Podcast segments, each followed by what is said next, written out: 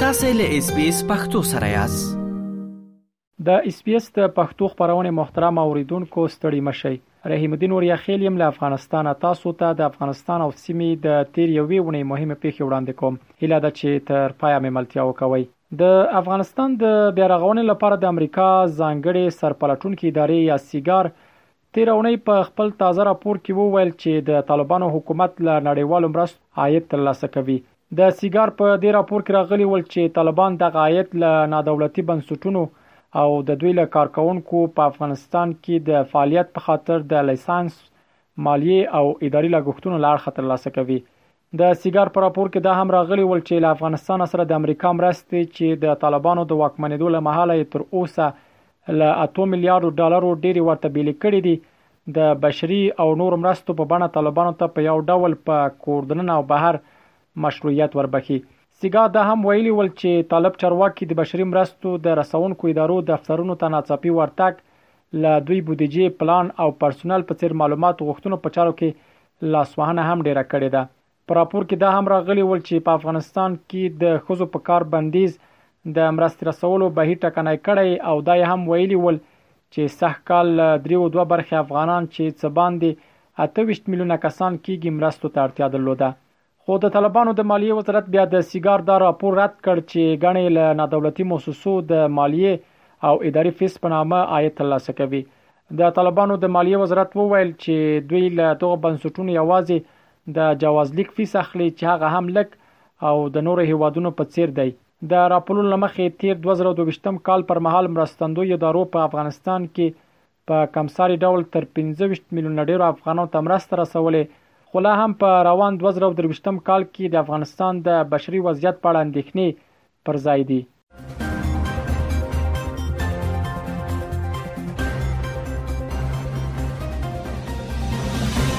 د سعودي عربستان ډیپلوماټانو تیر اونۍ د امنیتي ګواښونو لامل کابل پریښود او د پاکستان په پا پلازمینه اسلام آباد کې مش شوې دي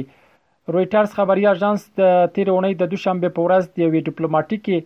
او دوه نورو سرچینو له قوله وویل چې سعودي ډیپلوماټان د فبروري په 15 له کابل په دې خاطر ووتل چې امنیتي ګواښونه ورته متوجه و په خپله سعودي عربستان تر اوسه په دې اړه څه نه دي ویلي، خو د طالبانو ویاند ذبیح الله مجاهد بیا ادعا وکړه چې سعودي ډیپلوماټان په موقته توګه د روزنې لپاره له افغانستان څخه وتلي او ډیر ژر به د ده په وینا بیرته راستانه شي. ځینو رسنیو داسې راپورونه هم تیره اونۍ خپاره کړل چې د سعودي عربستان د ډیپلوماټانو له وتلو وروسته د متحده عربي اماراتو او پاکستان ډیپلوماټان هم له کابله وتلي دي. خو رسمي سرچینو بیا د دغه راپورونو په اړه تر اوسه څه نه دی ویلي باید یادونه وشوي چې له افغانستان څخه د بهرنیو ځواکونو له وتلو او د طالبانو راتګ وروسته ډیری هیوادونو یا په افغانستان کې خپل سفارتونه تړلي او یا هم له افغانستانه بهر فعالیت کوي خو په افغانستان کې د بهرنیو ډیپلوماټانو ته د امنیتي ګواښونو په اړه اندېښنې داسې مهال راپورته کیږي چې له دې وړاندې په کابل کې د پاکستان او روسیې په سفارتونو بریدونه شوي وو چې مسولیت یې داعش ډلې منلی وو.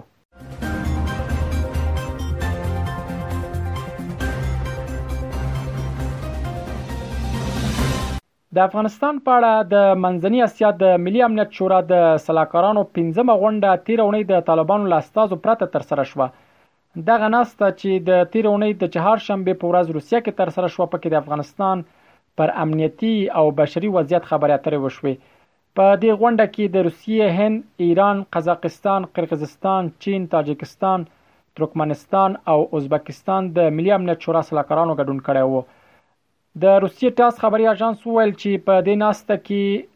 د ګډون کوونکو هیوادونو استازو امریکا په دې تورنه کړه چې د سیمه هیوادونو په بې ثباتۍ کې لاس لري د ټاس خبري اژانس د راپور لمخې په دې ناسته کې د روسیې د ملي امنیت سلاکار نیکولای پاتروشیف وویل چې په افغانستان کې د امریکا له پاتو وسلو د خپل افغانانو ترمنځ جګړو کې کار اخیستل شوی دی هغه وویل دغه وسلو ته په سیمه کې هم د یو لوی ګواښ په سترګه کتل کیږي د روسیې د ملي امنیت سلاکار همدارز وویل په افغانستان کې امنیت، ثبات، سولې او پرمختګ راتګ روسیې ته لومړیتوب لري. په دې غونډه کې د ایران د ملي امنیت شورا منشي علي شمخاني هم وویل چې په افغانستان کې سوله، ټیکاو او پرمختګ د دوی لپاره لومړیتوب دی. شیخاني لودیځ هیوادونه په تېره امریکا په دې تورنه کړه چې د سیمې هیوادونو په بې ثباته کولو کې لاس لري. د هند د ملي امنیت سلاکار اجیت داول وویل هیواد به یې هیڅکله هم د افغانستان خلک یوازې پرې نږدي. داول افغانستان کې د یو پراخ بنسټه حکومت د جوړیدو غوښتنه وکړه او له طالبانو یې وغوښتل چې ترهګرۍ پر وړاندې باید مبارزه وکړي. طالبانو ته په دې ناسته کې د ګډون بلنه نه وه ورکړل شوې خو ویاند یې ذبیح الله مجاهد وویل چې هره هغه غونډه چې د افغانستان په هکله د افغانستان د وضعیت د ښه والي لپاره جوړیږي د هیلې او ګټې ځای دی خو غوښتنه مو دا ده چې په دې ناسته کې د افغانستان استازي باید حضور ولري د افغانستان په اړه د مسکو فارمټ ناستې له 2018 کال راهیسې پیل شوې چې په پیل کې د دې ناستو مخه د افغانستان د تیر جمهوریت نظام او طالبانو ترمنځ سیاسي جوړجاړي ته لار هوارول او سیمه ییز امنیت تضمینول خودل کېدل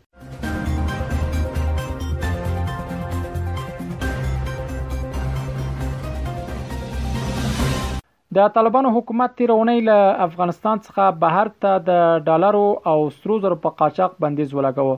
طالبانو د یوې اعلامیې له لارې وویل چې هیڅ څوک نشي کولای د هوایي ډګرونو له لارې له 50 زرو څخه زیات او د ځمکنیو سرحدونو له لارې له 500 څخه زیات ډالر بهر ته انتقال کړي طالبانو په خپل د اعلامیه کې ویلي ول که څوک له پورته اندازې څخه ډیر ډالر بهر ته له ځان سره ولېږدوي د هر یو میلیون ډالرو د لیک په مقابل کې به یو کال تر یو میلیون کم د هر یو لک په مقابل کې به یو میاشت او له لک کم یا پورته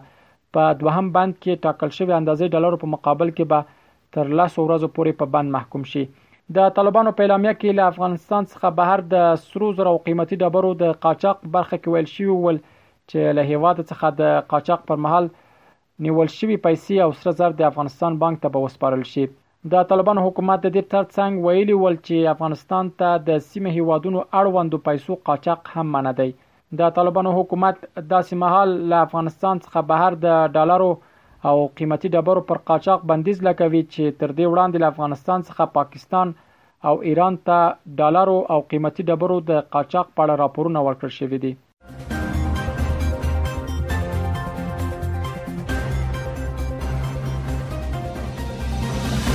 د دې اونۍ د پای موضوع هم دا چې د طالبانو د بهرنی چارو وزارت تیر اونۍ وویل چې د ترکیه په زلزلې کې له سلو زیات افغانانو ته هم مرګ ژوبله اوخته طالبانو که څه هم دا روښانه نه کړه چې د ترکیه په زلزلې کې څو تن افغانان مړه او څو کسان ټپیان شوي خو یوازې همدومره وویل چې له سلو زیاتو کسانو ته مرګ ژوبله اوښتې خو ځینې نورو سرچینو بیا ویلي چې د ترکیې په زلزله کې د قامت اسنادو د نشتون له امله د افغانانو کره شمیر تر اوسه روښانه نه ده البته په ترکیه کې د زلزلې په ټوله شمیره کې د بدلون راتلو سره ښایي په دغه هیواد کی د زلزلې امله د افغان قربانیانو په شمیر کی هم بدلون راشي. ورته وخت کی د طالبانو حکومت بیا په ترکیه او سوریه کی له زلزله ځپلو سره د خواخوږۍ ترڅنګ پنځلس میلیونه افغانیو مرسته هم اعلان کړه او ویې ویل که اړتیا وه د ژغورنې ډله هم ورلیږي. په ترکیه او سوریه کی دغه زلزله چی د تیرې اونۍ د دوشنبې په ورځ شوې تر اوسه پکی له شل زرو زیاتو کسانو د وژل کیدو او له پنځوس زره د زیاتو کسانو د ټپي کېدو خبر ورکړل شوی. دا ول د افغانستان او سیمې د تېرې یوې اونۍ مهمې پېښې چې ما تاسو ته وړاندې کړې. تر بیا ښې چارې. اس پی اس پختو په فیسبوک کې تا کې پلی مطلب یو فاک کړئ نظر ور کړئ او له نورو سره شریک کړئ